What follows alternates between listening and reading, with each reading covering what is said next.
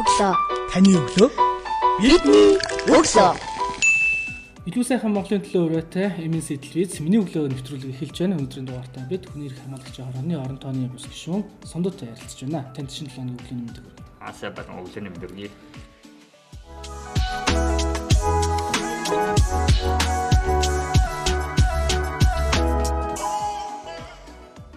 Таны өглөө эрх эхэлдэг байна. So миний өглөө мэдээж одоо өмнөх өдөр нь төлөвлөсөн тэр өдрийнхээ ажлуудад одоо яаж оролцох уу гэдгээс л хаана одоо тий гадуур явах ажил байна уу эсвэл сууж одоо судалгаа шинжилгээний хэмдэл суух ажил байна уу тэрнээс хамаарал эхлэндэ тэгэл а, мэдээж л миний өглөө гэрээс гарахаас л эхэлдэг. За сэрэд хамгийн түрүүнд хийдэг дадал зуршлаас үйлдэл танд бий юу? Тийм үйлдэлүүд бол ямар үйлдэлийг хамгийн түрүүнд хийдэг вэ? Сэрэнгүүд хийдэг үйлдэл анхны үйлдэл юм уу те? Жишээ нь өнөөдөр өглөө сэрэд Шууд 0 орно шүү дээ. бясалгал хийх, янз янзын дадал хөвшил болсон зуршлууд бий юу? Бах байхгүй. Бусдын л. Өдрийн ажиллагаа цаасан дээр тэмдэглэдэг эсвэл ямар нэгэн смарт гар утасны аппликейшн ашигладаг? За тэмдэглэлийн дэвтэр дээр л хөвчлэн их тийм онц шаардлагатай ажлуудаа тэг үнтэй цаг төгссөн байх юм уу тэрийг энэ тэгэл тэмдэглэдэг. Аль болох бичиж тэмдэглэх. Бич тэмдэглэгийг л буцаад харахад зүгээр байдаг. За яг одоо төвлөрч хийж байгаа ажлаасаа дөрвөл ямар ажил дээр болчлоо ажиллаж байгаа вэ? Аа. Одоо энэ хүний эрх хамгаалагчийн хороо гэж байгуулга хүний эрх хамгаалагчийн эрх зүйн байдлын тухай хууль 2021 онд батлагдсан. Тэгээ энэ хуулиар хүний эрх хамгаалагчийн хороо гэж байгуулагдаад байх ёстойгоор төлөвлөсөн. Энэ хүний эрх хамгаалагчийн хорооны гишүүн, орон тооны бас гишүүн гэдэг ажлыг эрхэлж байна. Энэ бол бас а, нөгөө гомдол мэдээллүүд биднэрт ирнэ. А тэр хүрээнд нь бид нэр гомдол мэдээллийн хүрээнд ажилладаг гэсэн үг. Энэ дээр одоо бол болчихж байна тийм. Шинэ алба нэгтгэж болно шүү дээ. Тий. э, Хуулиар э, байгуулах хэрэгтэй байгуулагдаж байгаа юм шинэ орон тооны бас нэгж гэсэн үг. Хүний эрхийн Хүний эрхийн үндэсний комиссийн одоо дэргэд байгуулагдаж байгаа. Хүний эрхийн үндэсний комиссийн нэг гишүүн нь одоо тухайн асуудлыг хариуцаад ингээд ажиллаж байгаа гэсэн үг тийм. Сая Amnesty International жил болгон болдог. Хүний эрхийн хатан зөрөгтөн гэдэг тэмцээн үр дүнгээ гарлаа. Нэгдүгээр байранд орох бүтээд ирсэн. 2 3 тусгай барийн шагналыг тодрууллаа. Тэгээд их урт хугацаанд үргэлжилсэн зарласан уралдаан тэгээд хавар 100 намар өвөл гэсэн төрөө үйлдвэрлэлийг хугацаа өгсөн боловч одоо хангалтгүй хэмжээний бүтээлүүд ирлээ. Нийт 11 бүтээл ирлээ. Тэгээд тэр 11 бүтээлээс нэгдүгээр байранд орох бүтээл байсан гэдэг шүүгчнээс нь дурдж яхад яг хөө тэрэн дээр нэг юм ойлголтын зөрүү хийж байгаа контент хийж байгаа сэтгүүлчний дунд ч тэр одоо хүний эрхийн хамгаалагч явж гисэн одоо бүтээл нэрс одоо юу гэдэг нь тухайн Amnesty International-с гаргасан бүтээлийн уралдаан дээр хүний эрхийн хамгаалагч гэдэг хүмүүсийн нэр гаргаж өгөөд энэ хүмүүсийн хүрээнд хүний эрхийн хамгаалагч гэж хөрөг нэвтрүүлгийн хийнэ гэсэн агуулга гарч ирж байгаа. За нөгөө талдаа болохоор м, оролцоогүй тэр хүний эрхийн хамгаалагч нэвтрүүлэгт оролцох баатар байгаа ч гэсэн өөрөө хүний эрхийн хамгаалагч биш гэсэн байдлаар үүсгэж ороогүй өөрийгөө үүсгэс гадна тэр листэнд ороогүй учраас магадгүй нэг ийм э, зөрчилдөөнтэй материалууд гарч ирсэн болохоор би энэ энэ асуултаараа би зөв юуг танаас илүү тодруулахыг хүсэж байна гэхээр хүний эрхийн хамгаалагч гэж яг хин юм бэ гэдгийг л тодруулахыг хүсэж байгаа юм л да. Яа тэгэхээр магадгүй сэтгүүлчийн нүдээр хүүхдийн эрхийг хүүхд эмэгтэйчүүдийг хамгаалдаг, ажил үйлсээр манлайлдаг тэр хүнийг хүний эрхийн хамгаалагч гэж харж байгаа боловч энийг зөвөр би ямар нэгэн уралдааны нэр барихаас илүүтэй тэр зохион байгуулж байгаа листэнд багтаагүй бол зохион байгуулагчдын зүгээс яг багтах хүнээр хийх нь зүйлдээ дөрмийн дагуу тийм аа. Гэхдээ л хашир нийгэмдээ үнэхээр л хүний эрхийг хамгаалж олон жил тууштай бүтээлээ хийгээд ажиллаа хийгээд явж байгааг нь гаргачаа тэр сэтгүүлчийн үнсгийг өснө манай листэнд байхгүй хүн учраас энэ бид хам хүнийг хамгаалж үзэхгүй гэдгээс тийм ойлголтын зүрхнээс болол бүтээл төрөөгүй байж магадгүй би хувьдаа сэтгүүлчнүүд дээр харж байгаа. Тэгэхээр таны зүгээс яг энэ хамгаалагчдын эрх зүйн байдлын тухай хууль хэрэгжиж гиснээс энэ шинэ нэгж хүний хүнсний хорооны дэргэд орон тооны бус бүрдээд ингээ ажиллаж байгаа юм байна. Энд ирсэн гомдол мэдээллийг шийдвэрлэгчийг бүрхтэй юм байна. Тэгэхээр яг энэ дээр тодорхойлолтын хүний эрхийн хамгаалагч хэмбэ гэдгээс яриага эхлэе. Тэр зөв их оновчтой асуулт асуулт. Энэ э, саяын тэр зөрөгтөн арга хэмжээний хувьд бол Amnesty International олон улсын байгууллага голсон зохион байгуулалт тийм. А тэгэнгүүт Amnesty International олон улсын байгууллага өөрсдийн шалгуураа тавин гутаа ийм ийм хүмүүс байж болно гэж тодорхой хүмүүсийн нэр э, заачиж байгаа юм тийм. А тэр нэрс одоо тийм эцсийн байдлаар гарахдаа яаж гарсан бэ гэдэг талаар нь би бас тэр байгууллагад ажилладаг учраас бас хэлэх боломжгүй байна. А хуулиараа хүний эрх хамгаалагч гэж хин юм бэ гэхээр хин ч үйл болгож. Таач байж болно, би би ч байж болно. А гол байгаа шалгуур гэж байгаа. Тэр шалгуур нь юу гэхээр тухайн иргэн этгээ тийм байдیں۔ тий. Тэр хүн маань тэр бүлэг маань хүний эрх хамгаалах чиглэлд үйл ажиллагаа явуулсан байх хэрэгтэй. А тэгвэл ахад нэг шалгуур. Тэрний юу гэхээр одоо хууль бус үйл ажиллагаа явуулахгүй. Албадлагын шин чанартай олон нийтийг одоо буруу зүйлдүүлээ уриалсан шин чанартай хүч хэрэглэсэн байт юм те. Ийм үйл ажиллагааны шинжгүй тийм үйл ажиллагаа явуулсан хинч байж болно гэж.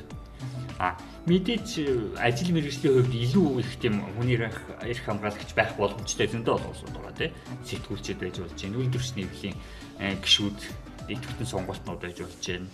А одоо магадгүй нь хөөс ахуулах байгуулах нэг талдаа хүний эрх хамгаалагч байж болох байхгүй тийм. Нэг хэсэг хүмүүсийн л эрх ашиг хамгаална гэж эрхэн зөрчигч хүмүүсийн эрх ашиг хамгаалах харал ажиллаж байгаа шүү дээ. А нөгөө талаас нөгөө хууль сахиулах чинь бас их онцлог юу юм гэхээр өөрсдөө хүний эрх хамгаалагч хүний эрхийг зөрчигч энэ төр болчих гээд байдаг тийм ийм талтай. Тэгээ хинч байж болж байна.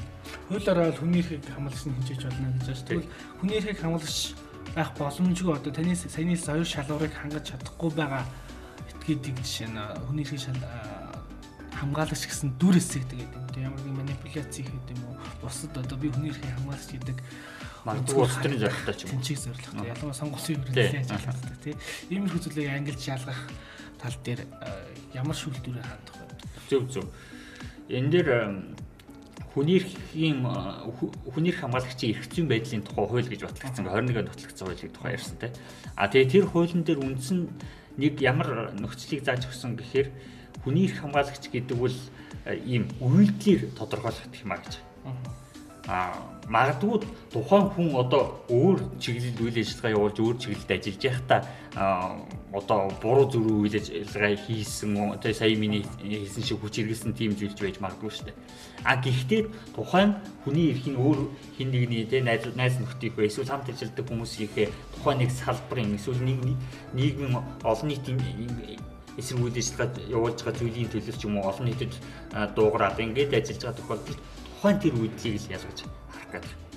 Одоо тухайлбал Сүхбаатарын талбай дээр жагсаал цуглаан болсон байлаа гэж үзэхэд а тэр жагсаал цуглаан зохион байгуулад тухайн хүнийг одоо буруу үйл ажиллагаа явуулсан байна гэж баримтлах болоход яг тэр тухайн хүний үйл ажиллагаа хуулийн дагуу байсан юм уу хүн юу үйл нэгтлэх шаардлага үүсэж байгаа гэсэн үг байхгүй. Тухайн хүн хин нэг нэг дормжлоог зөвшөөрсөн байршилд зөвшөөрөл аваад үйл бодлоо илэрхийлсэн бол а түүний үйл ажиллагаа өөр тэр ирж явахдаа нөгөө зам хөдөлгөөнд оролцож байхдаа зам хөдөлгөөний тухай дүрм зөрчсөн ойлголттой бол хамаагүй хамаарлаггүй гэсэн үг байхгүй тийм тухайн нөгөө нэг үйлдэлийг нь тогтоон шалгана гэсэн үг. А үндсэндээ хүний эрх хамгаалагчийн оронтон бас хороо ажиллаад 23 онд үндсэндээ бид нэр бүртлээ л дээ нээлттэй сонгон шалгалтаар бүртлээ. Энэ үл үндсэндээ дөрвөн гишүүнүүд гишүүнүүд нээлттэй сонгон шалгалтаар бүрдэж байгаа тийм. Хоёр нь хуульчтай холбоо, хуульч өмгөөлөгчтэй холбооноос ингээд сонгогдож орж ирж байгаа. Энэ хүмүүс маань энэ 23 онд ажиллаад одоо үндсэндээ дөрвөнч ийм дүгнэлт гаргачих чинь тийм. Энэ дээр бол нөгөө нэг бид нэр шинэ учраас бас их олон зүйл тулгамдж байгаа. Гэхдээ ер нь бол бидний нэгцэн ойлголт нь юу юм гэхээр а үйлдэл дээр их тулгуурлах хэрэгтэй байна. Тухайн үйлдэлийг нь шүүж гаргаж ирэх хэрэгтэй байна. А тэгэхгүй бол нөгөө нэг энэ нэг удаа тэгсэн учраас муухай биш юм байна гэдэг ойлголт биш юм байна. Их ялах хэрэгтэй байна л гэдэг талаас ажиллаж байгаа. Тий. Зөв зөв. Тэр хүний эрхийг хамгаалж байснараа тухайн хөвгүнд ямар үр ашигтай вэ? Давуу тал нь юу? Аа мэдээж энэ их тийм байнга тохиолдоод байхгүй ийм тохиолдол тийм ээ нэг нийгмийн харилцаанд орж явж байгаа нэг л өдөр ийм нөхцөлд орчих магадлалтай а тухайлбал одоо байгаль орчны чиглэлд манайх уулуурхай маш их одоо хөгжиж үйл ажиллагаа явуулж шүү дээ. А энэ тохиолдолд тухайн сум орон нутгийн иргэд тухайн орчны иргэд өөрсдөө нэгдээд үйл ажиллагаа явуулах нөхцөл байдал чинь үүсдэг юм. Энэ зөндөө болчих шүү дээ.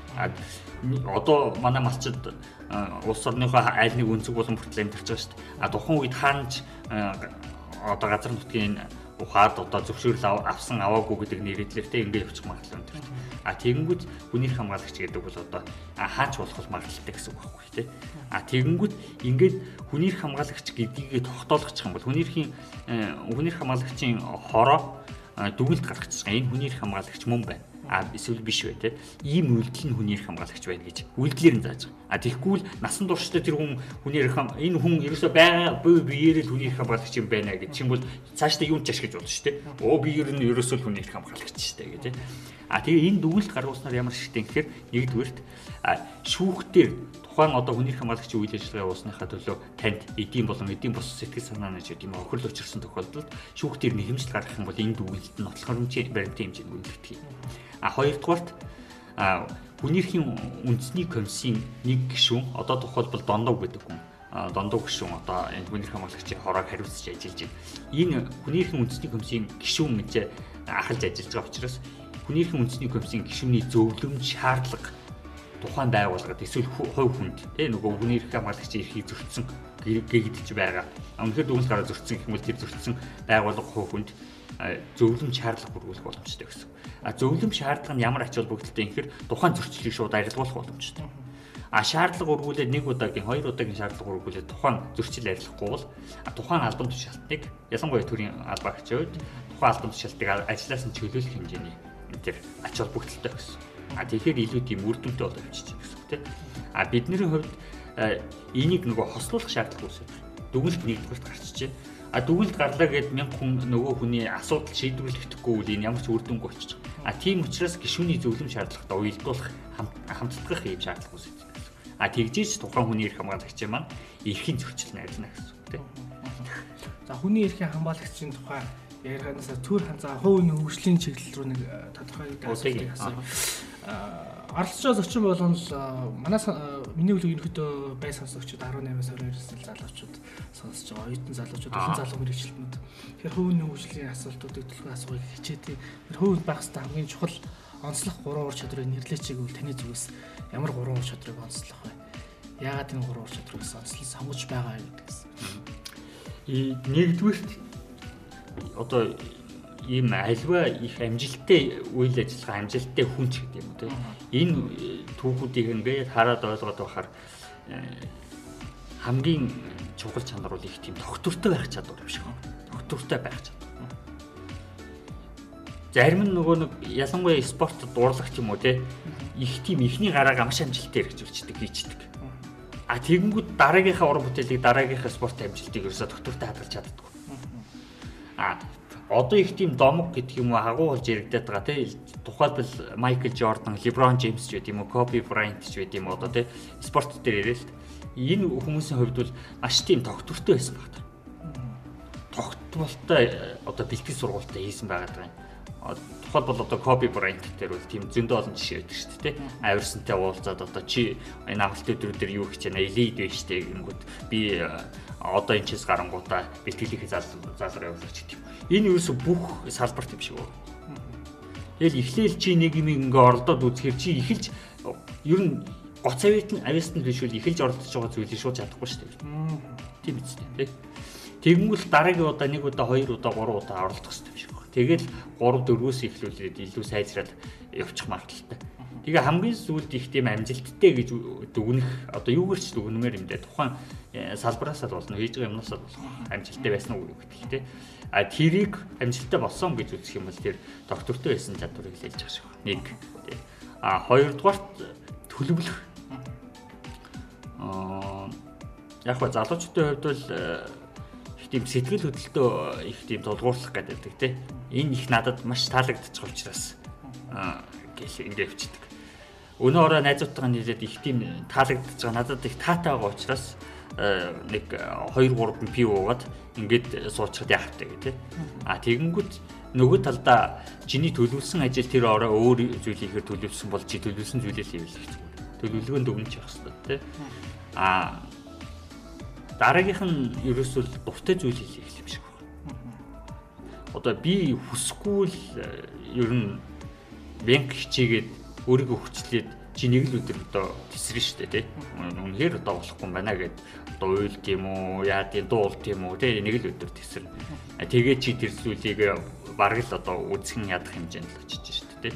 Ингээр их тийм энэ гурван зүйл их миний төрөнд их чухал болов гэж бодож байна. Тий яаж ч миний блогийн сүүлийн дугааруудад дандаа би мэтгэлцэгч хүмүүсээ бариад ярьж өнгөрсөн дугаарт үндэсний мэтгэлцээний нэгдсэн танхимын дэд тэр хүн сайхан та ярилцсан. Тэгээд мэтгэлцэгч э, найзуудтайгаа орж иж ярилцахаар ингээд нэг тийм ягаад чи би 10 жилийн өмнөх юм доктортойгоор энд тууштай явж байгааг их хардаг байхгүй мэддэг байхгүй энэ салбарт мэтгэлцэгч байсан бол багш болсон шүүвч болсон тий ингээд бас энэ ур чадвар нь өөрийнх нь амьдрал карьерт нас эргээр нөлөөлж байгаа болов гэж би хараад идэв.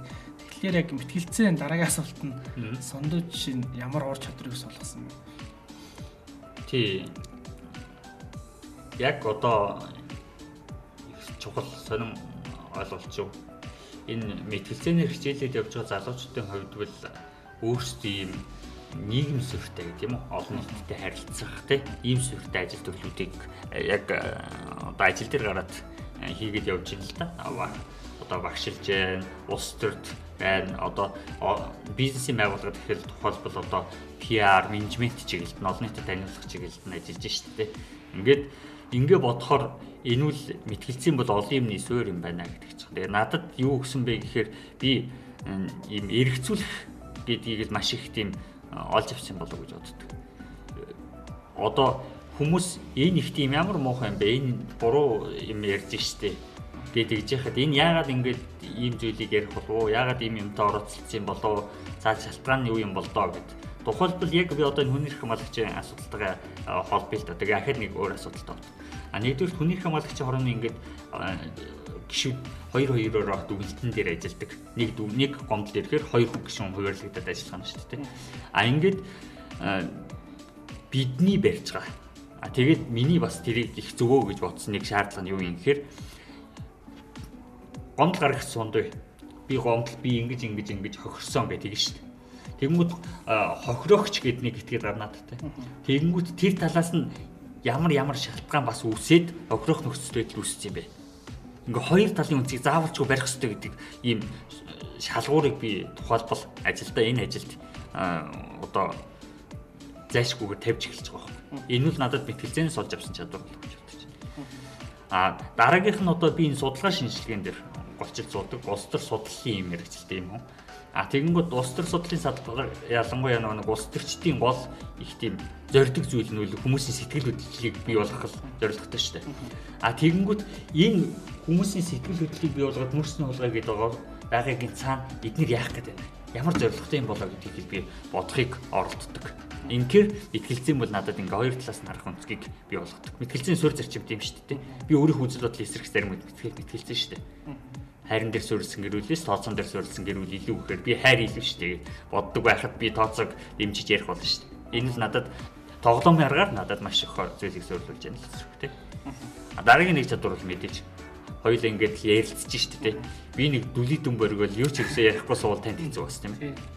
А тэгэхээр мэдээж илтгэх чадварыг өгсөн нөгөө талаас ах олон хүрээллийн найзуудыг өгсөн байх гэж бодож байна. Тэгэл би яг та хоёр хүрээллээрээ л уулзсан шүү дээ тийм үү. Одоо ажил мэргэжлүүгээ эргэж ярихад сая улс төрийн судлалын чиглэлээр төгссөн одоо орон тооны бус зөвлөхөр гишүүнээр ажиллаж байгаа. Яг яг сая зөвхөн сүүлийн жилүүдийн ажлын талаар хүний эрх хамгаалчийн тухай ярилцлаа шүү дээ. Тэгэхээр яг энэ өөрийнхөө хувь судлаачийн хувьд ямар судалгаан дээр төлөөрч ажиллаж байгаа сүүлийн жилүүдэд одоо яг эрх хамгаалчдаа сонгуулийн цикл эхэлж байгаа нэлийн завгүй хуваарилтад ажиллаж байгаа болов уу? Тий. Мэдээж бид бид нар сая нөгөө захиалгат судалгаануудыг бол хийж байгаа. Одоо байгууллагууд судалгааны ажил зарлагчтай тий тэр судалгаан дээр нөхцөлтэй өгөөд ингээд судалгаанд ажилладаг. А тухайлбал би яагаад ийшээ энэ хүний эрх хамгаалагчийн хорооны гишүүн гэдэг юм болоод орчихвоо гэдг нь бас судалгаатай л болчихж байгаа. А учир нь би хүний эрх үндэсний комиссоос 2022 онд зарласан хүний эрх хамгаалагчийн нөхцөл байдлын судалгаа гэдгийг байгууллагынхаа шугамар гүйцэтгэсэн байхгүй. А тэгээд тэр хүний эрх хамгаалагчийн нөхцөл байдал ийм байна гэд а буцаагаад энэ өглөөрийн үндэсний комиссийн маань а ер нь энэ судалгаа шинжилгээний чиглэлд ажиллаж байгаа. А дээрэс нь энэ хүний эрх хамгаалагчийн ойлголтыг одоо ингээд судлаа шинжилгээний хүрээнд ойлгочих байгаа. Ийм хүн хэрэгтэй байна гэдэг үүднээсээ намайг магадгүй сонгон шалралтанд оруулаад сонгосон байж магадгүй гэж үзэж байгаа. А Тэнгүүд хүний эрх хамгаалагчийн ойлголтыг тухайлбал би тэр судалгаанаас аваад одоо энэ ажил дээр их хэрэглэх гэж яваад тэр судалгаа их чухал байна гэсэн. Тэр нь юу юм гэхээр хүний эрх хамгаалагчийн хууль батлагдсан эсхийг тухайлбал би хууль сахиулах байгууллагын аль багчдаас тухайлбал тэр судалгаанд оролцсон. 80 80-аад хувь нь оролцсон гэж санаж байна. Тоог нь би бас нас цааш ээлжиж магадгүй. А комиссийн сайтаас судалгааг нь олоод үзчих боломжтой тий. А тэгэнгүүт 80-д 90% нь энэ хууль батлагдсныг мэдсэн гэж. А дараагийнх нэг бол мэдсэн мөртлөө дотор нь яг ямар ойлголт байд юм үнэрх хамгаалагч гэж юу юм бэ гэдэг ойлголтыг бол мэдэхгүй байна. А тэр нь буцаага бүр буурчихсан 30 40% нь бол ерөөсөө мэднгээд тэрнээс дэше хувь нь мэдэхгүй гэж байгаа байхгүй. А тэгэхээр юу гэж хэлж ийм гэхээр хууль сахилах байгууллагын гэдэг өөрсдөө ингээ хууль тэр хуулийг тухайлбал хэрэгжилж байгаа шүү дээ ер нь. А тэр хүмүүс нь ингээ мэдэхгүй байхад а энгийн иргэд гэдэг юм уу аж ахуйн гэж эрхэлж байгаа иргэн бизнес эрхлэгч гэдэг юм уу энэ хүмүүс бол мэдэх мэдэх мэдхийн төвшин бол улмал доор гэж үзэх гэдэг байна. А тэгэхээр энэ судалгаанаас үндэслээд юу гэж бодох гэдэг юм тэгэхээр энэ хүний хамгаалагч эрх зүйн байдлын тухай хуулийг таниулах тийм ийм шаардлага зайлшгүй байна л гэдэг. А буцаагаад мэдээж судалгаа шинжилгээнд дээр улс төрийнхөө чиглэлээр энэ тойрог тойрог дээр тухайлбал онцлог шинж байгаа. Шинж гэдэг нь юу юм гэхээр түүхчилж авч үзэх юм. Тухайлбал улсын хурлын одоо нэг 7 8 дахь сонгуул болж шүү дээ. А тэгэнгүүт л тойрог тойрог дээр онцлог гарч ирнэ дээ. А энэ үл үндсэндээ сонгогчийн тэдэн үн саналаа өгдөг хэдэн үн саналаа өгдөөс тэр саналаа өгсөн сонгогчдын хэдэн үн тэр намайг дэмжих хандлагатай гэж ийм цэг одоо юу гарч ирж дээ. Давтамж гарч ирж шүү дээ. Үндслэг үзүүлэлтүүд гарч ирж. А энэ чиглэлд бол бас нэг бие дааж те улс төр судлаачийн хуваар судалсан зүйлүүд бол бас байна те.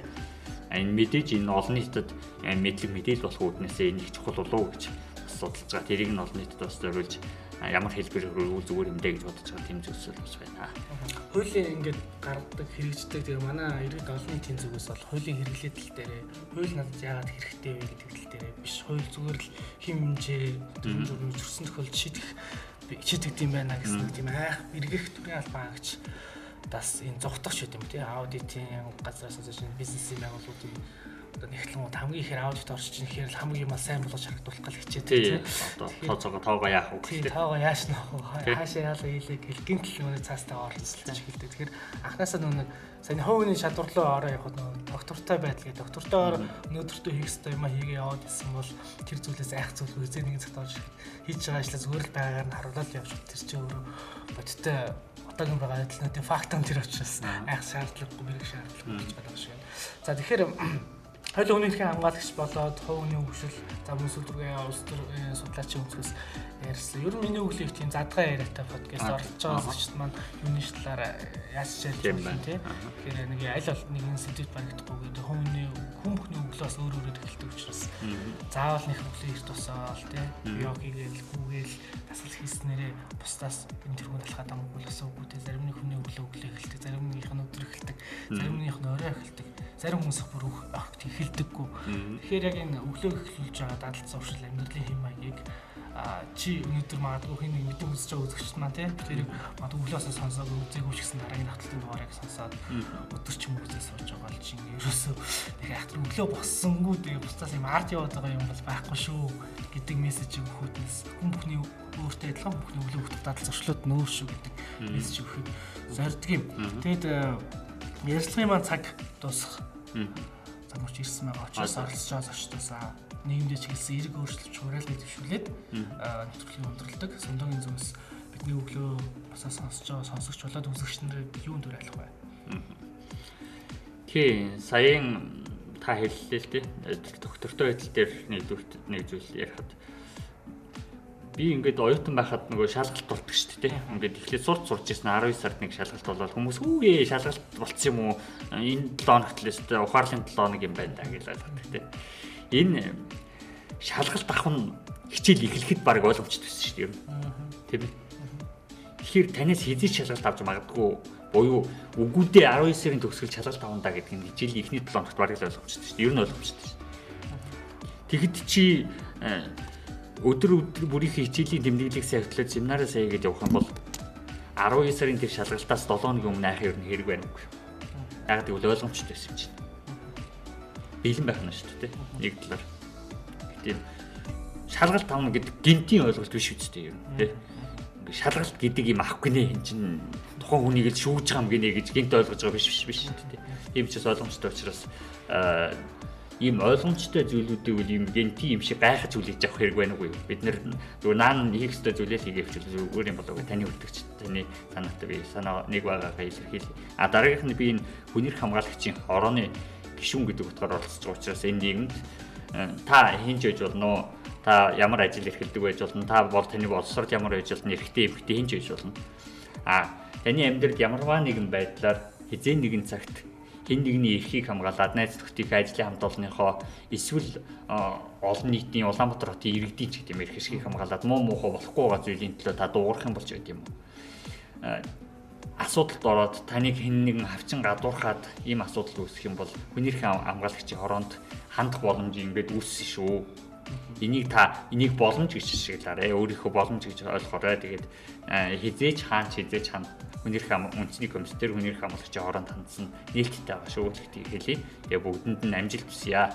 Нэрэл одоо таны өглөө хизээч эхэлж магадгүй.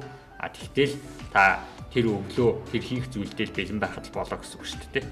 Өглөө гэдэг нь өглөө хизээж эхэлж ийн гэдэг ойлголт бол миний ойлголтоор ийм алдагдсан ирч хүчээ нөхөд нөхөж дуусах цаг нь бол хизээч байж болох байхгүй юу? Нөхөгдөж дуусаад их ирч хүчтэй л байх нь болно шүү дээ.